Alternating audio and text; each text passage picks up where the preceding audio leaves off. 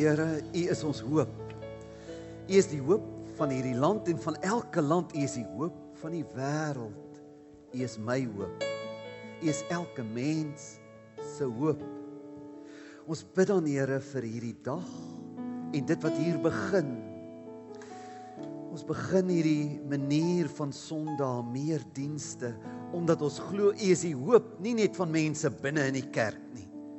Ons bid dan nou Here vir elke mens in George wat ver oggend nie glo nie of wat verkoud het of wat voel hulle het nie die verkondiging van die woord nodig nie. Here, die grootste probleem glo ons in die hele wêreld maar ook in Suid-Afrika is dat mense nie weet U het die oplossing nie. Dat mense nie glo dat hulle verlore is nie. Dat mense in die donkerte dink hulle is in die lig.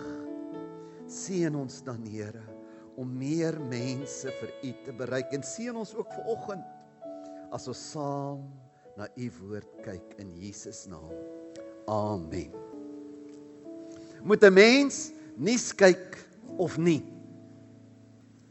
Moet jy nie maar net nooit die koerant lees nie en nooit oor politiek, misdaad, ekonomie, skole, universiteite, staatshospitale, korrupsie, wit emigrasie, grondonteiening sonder kompensasie praat nie. 'n Mens hoor van soveel dinge in ons land wat jou negatief en bevrees kan maak. Moet jy nie maar net jou ore en jou oë toemaak nie. Net maak asof dit nie bestaan nie en in jou wêreldjie leef nie. Jy kan tot jy wil gaan medies studeer as jy jonk is en nie toelating kry omdat jy velwit is nie.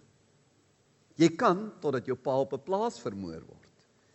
Net jou oë en jou ore toemaak. Of tot jou plakkershuis die 5de keer afbrand en oorstroom. Moenie dink hierdie reeks gaan oor wit mense nie. Dit gaan oor die toestand in ons land. Jy kan jou ore en jou oë toemaak totdat jy hoor ek het in die woordeboek gekry maar ek kry so waar nie 'n woord vir retrench nie. So ek verklaar hom nou Afrikaans amptelik. Tot jy geretrench word, kan jy sê dit raak my nie. Of as jy hoor bevordering is vir jou nie moontlik nie, al het jy hoeveel grade, jou vel is te lig. Of tot daardie derde keer in jou huis ingebreek word.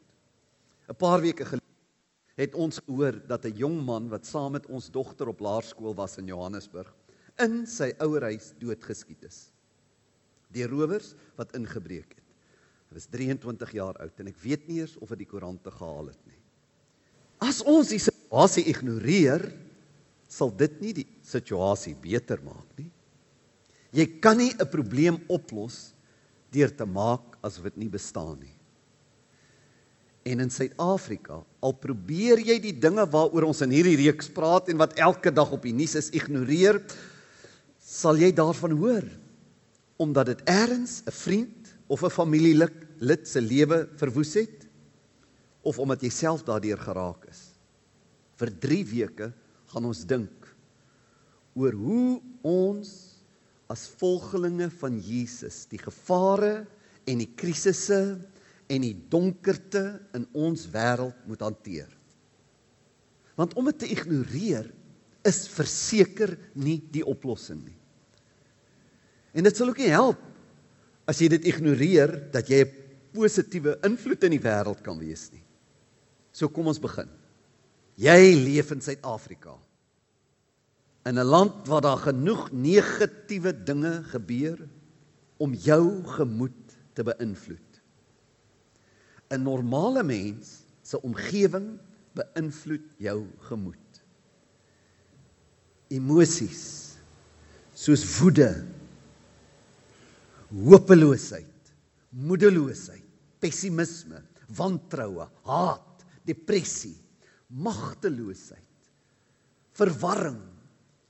Dit floreer in omgewings van donkerte, bedreiging en onsekerheid. En al hoe meer is dit 'n werklikheid. Mense is bang. Bang vir die toekoms, bang vir oud word, Wat gaan van die ekonomie word? Bang vir armoede, bang vir gevare. Woensdagoggend hierdie week wat verby is, het ek vroeg wakker geword in die stad die dorpie Petra in Jordanië. Ek word eintlik elke oggend baie vroeg wakker, maar nou nie elke oggend in Jordanië nie. My tas, so as ek toer, is elke aand die vorige aand al gepak, als is op die regte plek, dat as ek opstaan, ontbyt eet, bus toe, als moet reg wees. En uh, ons is die grens vanaf Israel na Jordanië toe en ek het my paspoort in my sak. Altyd is 'n toeknoop en as ek in die hotel kom, sit ek hom in 'n rits in die tas of in 'n ander broek met 'n kantsak waar ek toeknoop. Ek is amper paranoïes oor my paspoort paspoort oor see. Maar vir 2 dae, want ons gaan toe in die ou stad en ek dink net nee, gaan nie die die paspoort daarin nie. Vir 2 dae kyk ek nie waar is my paspoort nie en toe ek woensdagoggend opstaan ek waar is my paspoort? My mond word kurkdroog. Ek begin panieker eh, paniekerig raak. Ek kyk in die broek wat ek aangetree het, sy knoopsak, hy's nie daar nie. Ek maak die rits oop, hy's nie daar nie. Ek pak alles uit my een groot tas, uit my klein tas, uit my rekenaarsak. Ek gooi alles uit. Elke broek, elke hemp, ek gaan in elke sak in. Ek doen dit 5 keer. Ek pak my rekenaarsak uit. Ek gryp die matrasse, ek gooi dit af. Ek gooi die dekens in die kamer rond. Ek hardloop af na die uh ontbytkamer toe om vir iemand te sê help. Niemand help nie. Ek hardloop terug kamer toe. Ek pak dit weer uit. Uiteindelik ons het so 'n uh, toergids uh wat wat 'n Christen is. Hy kry my in die hand. Hy sien ek is doodsbleek. My ek wil nie eens ontbyt eet nie en dit mense, dit gebeur nie maklik met my nie. As ek wil eet, wil ek eet. Ek is so bang want jy weet dit beteken ek sal nie hierdie naweekie kan wees nie. Dit beteken ek sal 3 dae in 'n hotel moet boek. Ek sal 'n nuwe vlug moet boek. Dit gaan my derduisende rande kos. Ek moet na die ambassade toe gaan. Alles in my vries. Dis net daai een ding. Wat het van my paspoort geword? Die ou gids gaan saam met my op boontoe. Hy sê, "Please doctor, just just relax." Hy sê, "Oh, please Jesus, help Jesus." Hy Hy hy hy sê okay, please. Kalmeer nou. Vat nou hierdie tas wat ek nou al 5 keer uitgepak het. Vat die boonste rits, maak hom oop. Hy sê vir my kalmeer net. Maar ek kan nie. Maar ek probeer. Die bus vertrek oor 5 minute. Toe ek so kalm as moontlik die boonste rits oopmaak, sit ek my hand en ek dink die Jordaniër weet hy nie ek is 5 keer deur die tas nie. Daar's die paspoort. Presies waar hy altyd is. Net in 'n oomblik van vrees was die probleem wat ek gedink het bestaan, nie 'n probleem nie. Was die vrees die probleem? Vrees kan 'n mens vernietig. Selfs al bestaan die gevaar waarvoor jy bang is, nie regtig nie.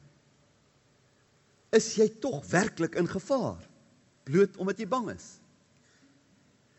As daardie gids vir my nie gesê het kyk weer nie, sou ek werklik finaal geglo die paspoort is weg en sou ek vandag nie hier gewees het nie en sou ek omtrent 10000 rand armer gewees het. Bloot omdat ek bang was. Daar was geen rede om bang te wees nie. Die probleem was nie die probleem nie, die vrees was die probleem. Kom ons dink vandag aan vrese en gevare. In die volgende 2 weke van die reeks sal ons oor ander aspekte van die lewe in Suid-Afrika dink. Elke mens word bang. En 'n sekere deel van bang word is goed vir jou.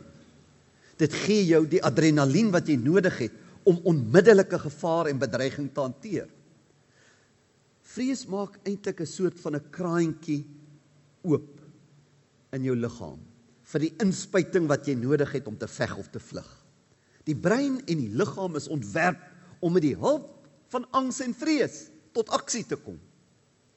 Maar dis nie ontwerp dat die kraantjie vir weke en maande en jare moet oop bly nie. Dan word vrees en skrik wat jou vriend is, jou vyand. Dan word dit wat jou moet beskerm teen gevaar self die gevaar. Dit het ek woensdagoggend beleef.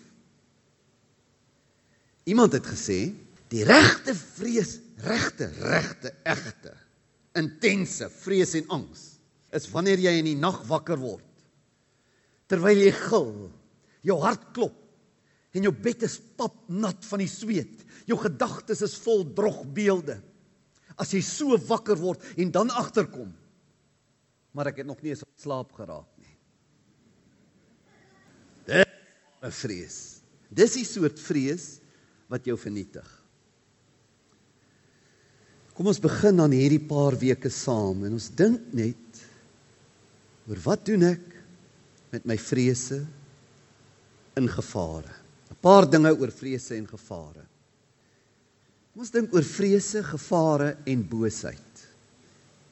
Ek dink nie 'n mens is net bevrees omdat jy in gevaar is nie. Omdat daar 'n kans is iets of iemand jou gaan seermaak nie.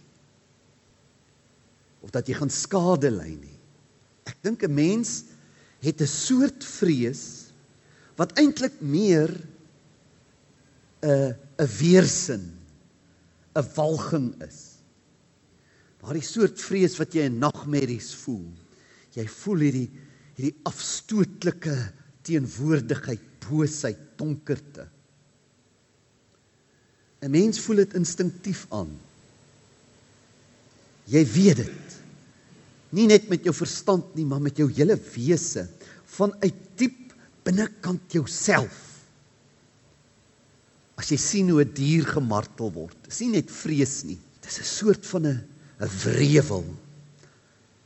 Iets is verkeerd of as jy sien 'n 'n kind wat op straat loop is verstote, verslaaf, arm, Jy weet hy gaan 'n misdadiger word. Jy sien hierdie kosbare wese het nie 'n kans nie. Daar is 'n aanvoeling wat vrees is, maar meer as vrees. Die wete iets is nie reg nie, iets is boos. En ek dink dat dit baie nodig is om te verstaan dat hierdie boosheid nie net in Suid-Afrika nie, maar oor die hele wêreld aan die gang is en deur die hele geskiedenis van die mensdom al aan die gang is. Om die waarheid te sê, dinge dui vir my daarop dat boosheid 'n invloed het nie net op mense nie, maar selfs op die planeet, op die klimaat, op die natuur, op die diereryk. En om te dink jy kan eers emigreer weg van gevare en boosheid af. Dat daar eers in hierdie wêreld 'n plek is waar jy vrese kan vryspring. Strook nie met die realiteit van hoe dinge is en nog altyd was nie en sal wees totdat die Here kom nie. Natuurlik in sommige plekke is boosheid en gevare duideliker en meer, maar nêrens is dit afwesig nie. Petrus help ons baie as ons oor hierdie onderwerp dink. Kom ons kyk wat sê hy daar in 1 Petrus 5. Hy sê ont, onderwerp julle daarom in nederigheid aan die kragtige hand van God sodat hy julle kan verhoog op die regte tyd wat hy bestem het. Werp al julle bekommernisse op hom want hy sorg vir julle. Amplified Bible sê casting the whole of your care all your anxieties all your worries all your concerns on him for he cares for you affectionately and cares about you watchfully. Cares about you watchfully. Dan sê hy: "Wees nugter, wees wakker. Julle vyand, die duiwel, loop rond soos 'n brullende leeu, op soek na wie kan hy verslind." Standvastig in die geloof met jou hom teenstaan. Wat sê hy? Weet dat jou vrese en angste het nie net met mense of omstandighede te doen nie. Jy leef in 'n wêreld waar daar boosheid is. Jy moet dit weet. Dis hoe dinge is oral. Moenie 'n illusie daaroor hê nie. Hy loop rond. Daar is 'n boosheid in elke omgewing. In Openbaring 2 skryf Johannes aan 'n gemeente in Smyrna en hy sê vir hulle hy verstaan hulle situasie in my woorde nou. Hy sê ek ken jou werke en verdrukking en armoede, Ek verstaan die gevare om jou, maar jy is ryk binne in jou omstandighede. En ek verstaan hierdie mense wat hierdie bose agenda het wat sê hulle is Jode, maar hulle is dit nie. En kyk wat sê, noem hy hulle situasie. Hy sê daardie mense in julle omgewing is 'n sinagoge van die Satan. Dit is nie net politiek of mense of omstandighede wat jou probleem is nie. Jy leef letterlik in 'n wêreld waar boosheid los is. Ook ons leef in 'n soort van 'n sinagoge van die Satan. Hy sê, "Maar moenie toelaat dat vrees jou oorneem nie. Vrees vir niks wat jy sal ly nie." Nou vir hierdie mense sê Johannes, "Kyk, die duiwel gaan sommige van julle in die gevangenis werp sodat julle op die proef gestel kan word. Julle sal 10 dae lank verdrukking hê." Dis nie letterlik nie, dis 'n tyd. Sê jy gaan vir jou voel, ek is binne in boosheid, maar wees getrou tot die dood toe. God sal jou die kroon van die lewe gee. Boosheid. Dis nie net mense nie. Daar's 'n geestelike oorlog aan die gang en volgende week gaan ons meer daaroor praat. Kom ons praat oor vrese, gevare en menslikheid. Wat bedoel ek daarmee? Bloot om 'n mens te wees. Verseker jou dat ook die gevare en die vrese van van die lewe sal na jou toe kom. Een mens het nog ooit die gevolge van boosheid in hierdie wêreld vrygespring nie. Dis 'n miskonsepsie dat jy omdat jy 'n gelowige is, gevry waar is van gevare. Dat jy soort van geïmmuniseer is, gevry waar is. Nou daar is sommige predikers wat jou dit wil laat glo, Maar dit is baie eensydig. So siening, as jy Jesus het, kan hierdie goed nooit naby jou kom nie. Beklemtoon net die oorwinningsverse in die Bybel. En nie die ander gedeeltes oor stryd en gevaar en swaar kry nie. Vrese en die gevoel van bedreiging word eintlik erger as jy voel jy is uitgesonder. Op twee maniere kan jy so voel. As jy dink jy's uitgesonder, gevare kan jou nie affekteer nie. Dan die dag as gevare jou wel affekteer, is jou angs en jou skok en jou verwarring groter. Verloor jy jou hele geloof. Maar as jy op 'n ander manier dink jy's uitgesonder, op die manier, dis asof bedreigings uh, en gevare my meer treiter as ander mense. Ek is 'n groter slagoffer ander verstaan nie. Dan raak jy sinies, negatief, bitter en meer beangs. Maar as jy weet ek is nie 'n uitsondering nie. Suid-Afrika is nie 'n uitsondering.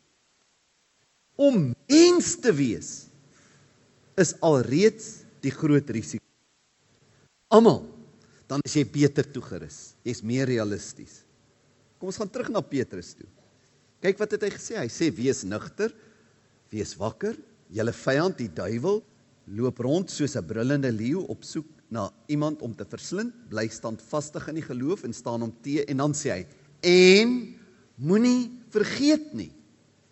Dwars deur die wêreld moet julle medegelowiges dieselfde soort lyding verduur. Oral nie net medegelowiges ook nie. Alle mense vir wie God lief is en dit is alle mense is blootgestel aan hierdie aanslag in hierdie wêreld. Hy sê moet dit nie vergeet nie. Dwars deur die hele wêreld. Kyk byvoorbeeld wat Paulus oor sy lewe sê. Nou Paulus was die, is die skrywer wat die meeste bygedra het dat jy die Nuwe Testament kan lees. Kyk wat sê hy in 2 Korintiërs 11 van wat als met hom gebeur het. Werk, ek was meer in die tronk, ek is meer dikwels geslaan, ek was dikwels in doodsgevaar. Vyfmal het ek van die Jode die gebruikelike straf van 39 houe gekry. Driemaal het ek lyfstraf gekry. Eenmal is ek gestenig. Driemaal het ek skipbreek gelei en eenmal het ek 'n dag en 'n nag op die oop see deurgebring en dit was nie terwyl hy vis gevang het nie. Ek was dikwels op reis en in gevaar, gevare van riviere, rowers, volksgenote, heidene, gevare in die stad, in die veld, gevare op die see, gevare van valse mense. Jy weet, as jy hierdie verse lees, dan kom jy agter dis Paulus was op 'n sendingreis deur Suid-Afrika. En as jy lewe as gelowige sonder om die vrese en die gevare te ontken en dan steeds hoopvol is, kan jy vir ander mense alle mense wat aan dieselfde gevare en boosheid blootgestel is hoop gee dan word jy deel van die oplossing. Kyk wat sê Petrus in die, in twee hoofstukke vroeër hy sê moenie vir mense bang wees nie. Moenie paniekerig word nie. Julle moet in julle harte die heeltyd die eer aan Christus gee die ou vertaling sê heilig God in julle harte. Heilig hom. In 'n bose wêreld vol gevare, skep 'n spasie wat nie boos is nie. Waar jy van God bewus is. En hy sê dan, en as iemand julle vra, hoekom het jy nou soveel hoop? Hoekom het jy 'n verwagting vir die toekoms? Moet jy altyd reg wees om te verduidelik. Wees altyd reg dat jy sê daar's meer aan die gang as op die nuus. Hier binne in my is ek op 'n ander reis. Reg hier in die begin van die reeks sê ons Here ek heilig U. Hierdie dienste gaan ons fokus nie plaas net op donker goed nie. Ons kom en sê, hoe kan ons saam met die Here in so 'n wêreld die lig laat skyn. Petrus sê moenie bang word en paniekerig raak nie. Dis nie net 'n negatiewe iets nie. Die opdrag is moenie iets toelaat nie, maar doen iets anders. Wat is die ander ding? In die plek van om die heeltyd met angs en vrees te leef, as die angs kom, sê nee. Is tyd om God hierdie plek van prominensie te gee. Tyd om op hom te fokus.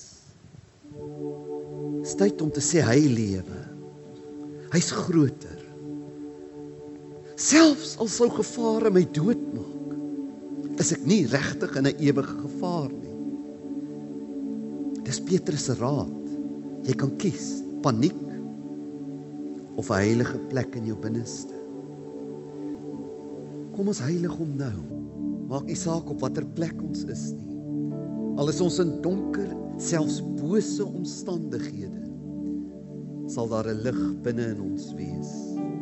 Daardie plek waar ons sê niks kan my keer om God te heilig nie. Geen plek kan donker of boos of gevaarlik genoeg wees om my binneste te steel nie. Hier waar U die begin en die einde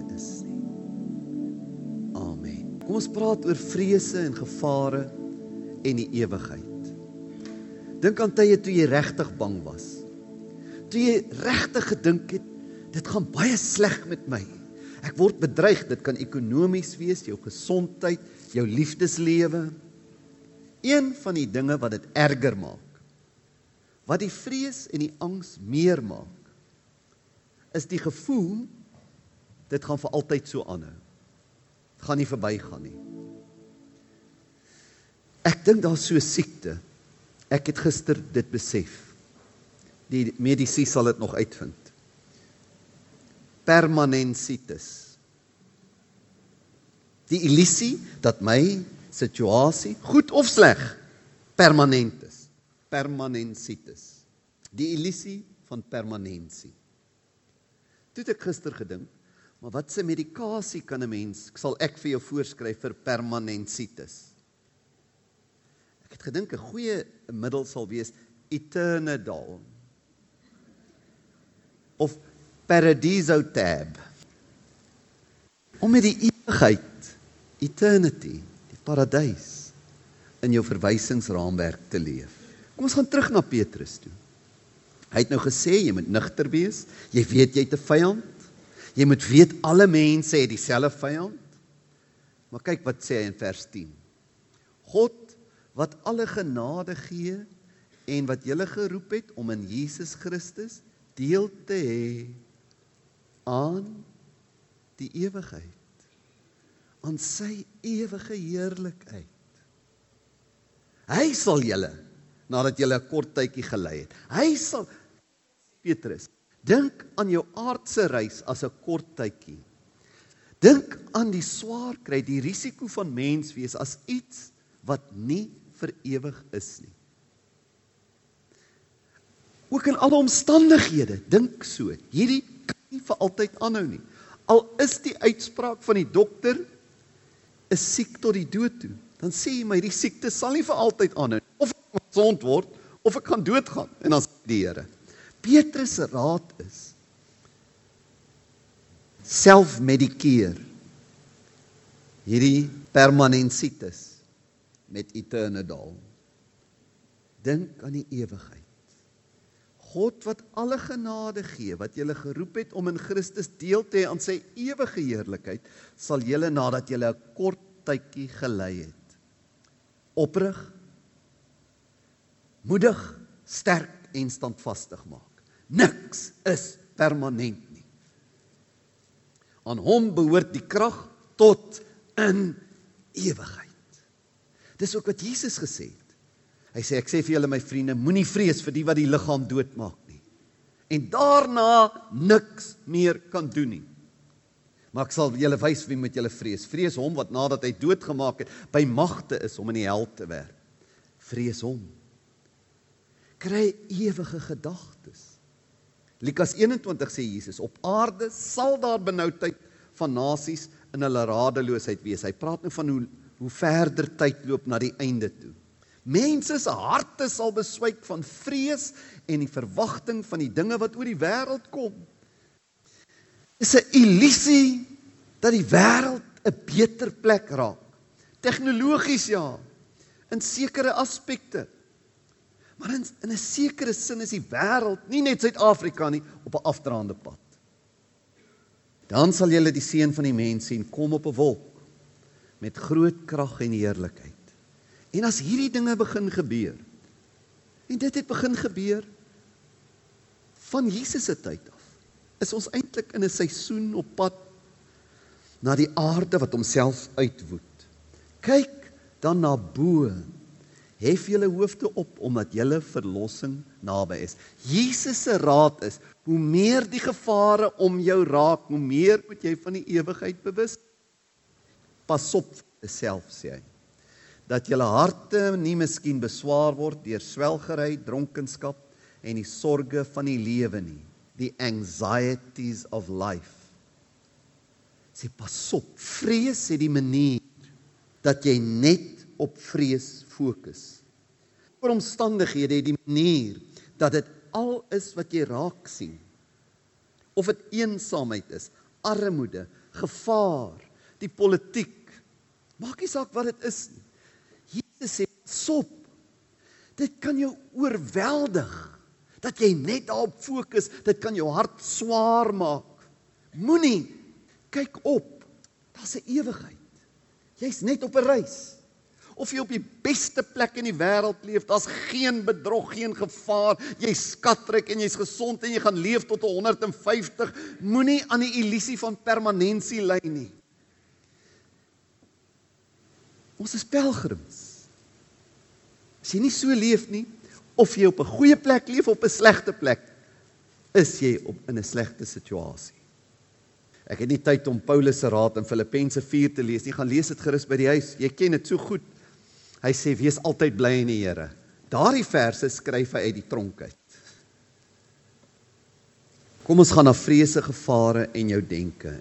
In Hebreërs 13 sê die Hebreërs skrywer, wanneer jou gevare finansiëel van aard is, moenie net op finansies fokus nie, dit maak jou geld gierig.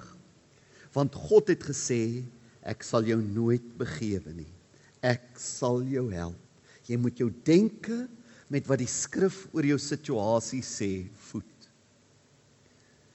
Nou o, nou wou ek eh, Filippense 4 genoem het, ek gaan dit nie noem nie. Kom ons neem 'n oomblik. En jy voed nou jou denke. Kyk na hierdie Psalm, maak dit joune. Wees my genadig sê Dawid toe die Filistyne hom gevange neem. Hy dink hy gaan sterf. Hy's in gevaar. Wees my genadig o God, want mense vertrap my. Hy wat my beveg, verdruk my die hele dag. My vyande vertrap my. Die hele dag, want baie veg teen my. Die dag as ek vrees, sal ek op U vertrou. Dit is in sulke tye as ek bang word dat ek op U vertrou. When I get really afraid, I come to you. En ek prys God vir sy woord. Ek vertrou op God. Ek vrees nie want wat kan mense aan my doen? Wie sal by my staan sê in Psalm 94? Wie staan by my teen die wat my leed aandoen? Wie help my teen mense wat my verontreg.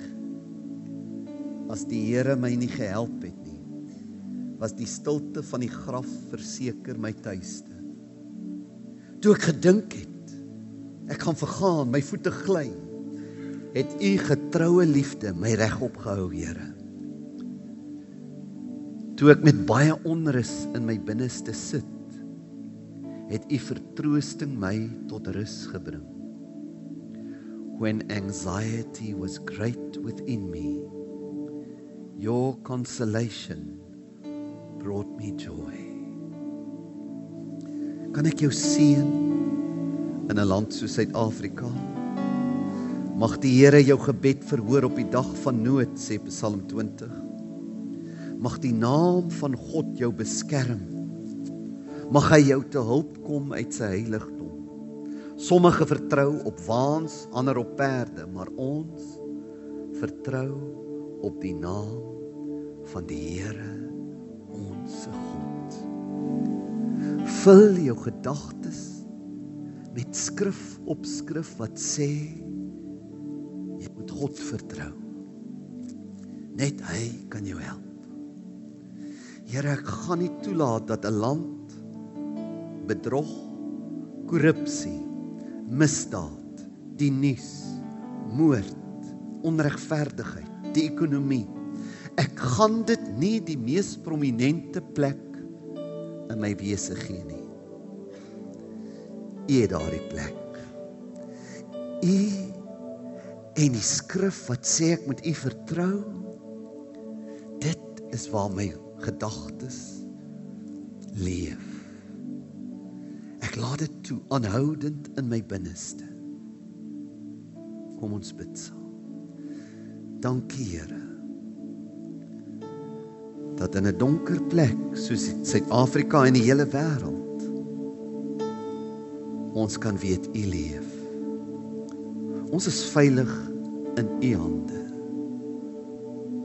Bid vir mense wat vandag hier sit met angs en vrees en omstandighede wat bedreigend is. Mag hulle na U toe kom en U vertrou.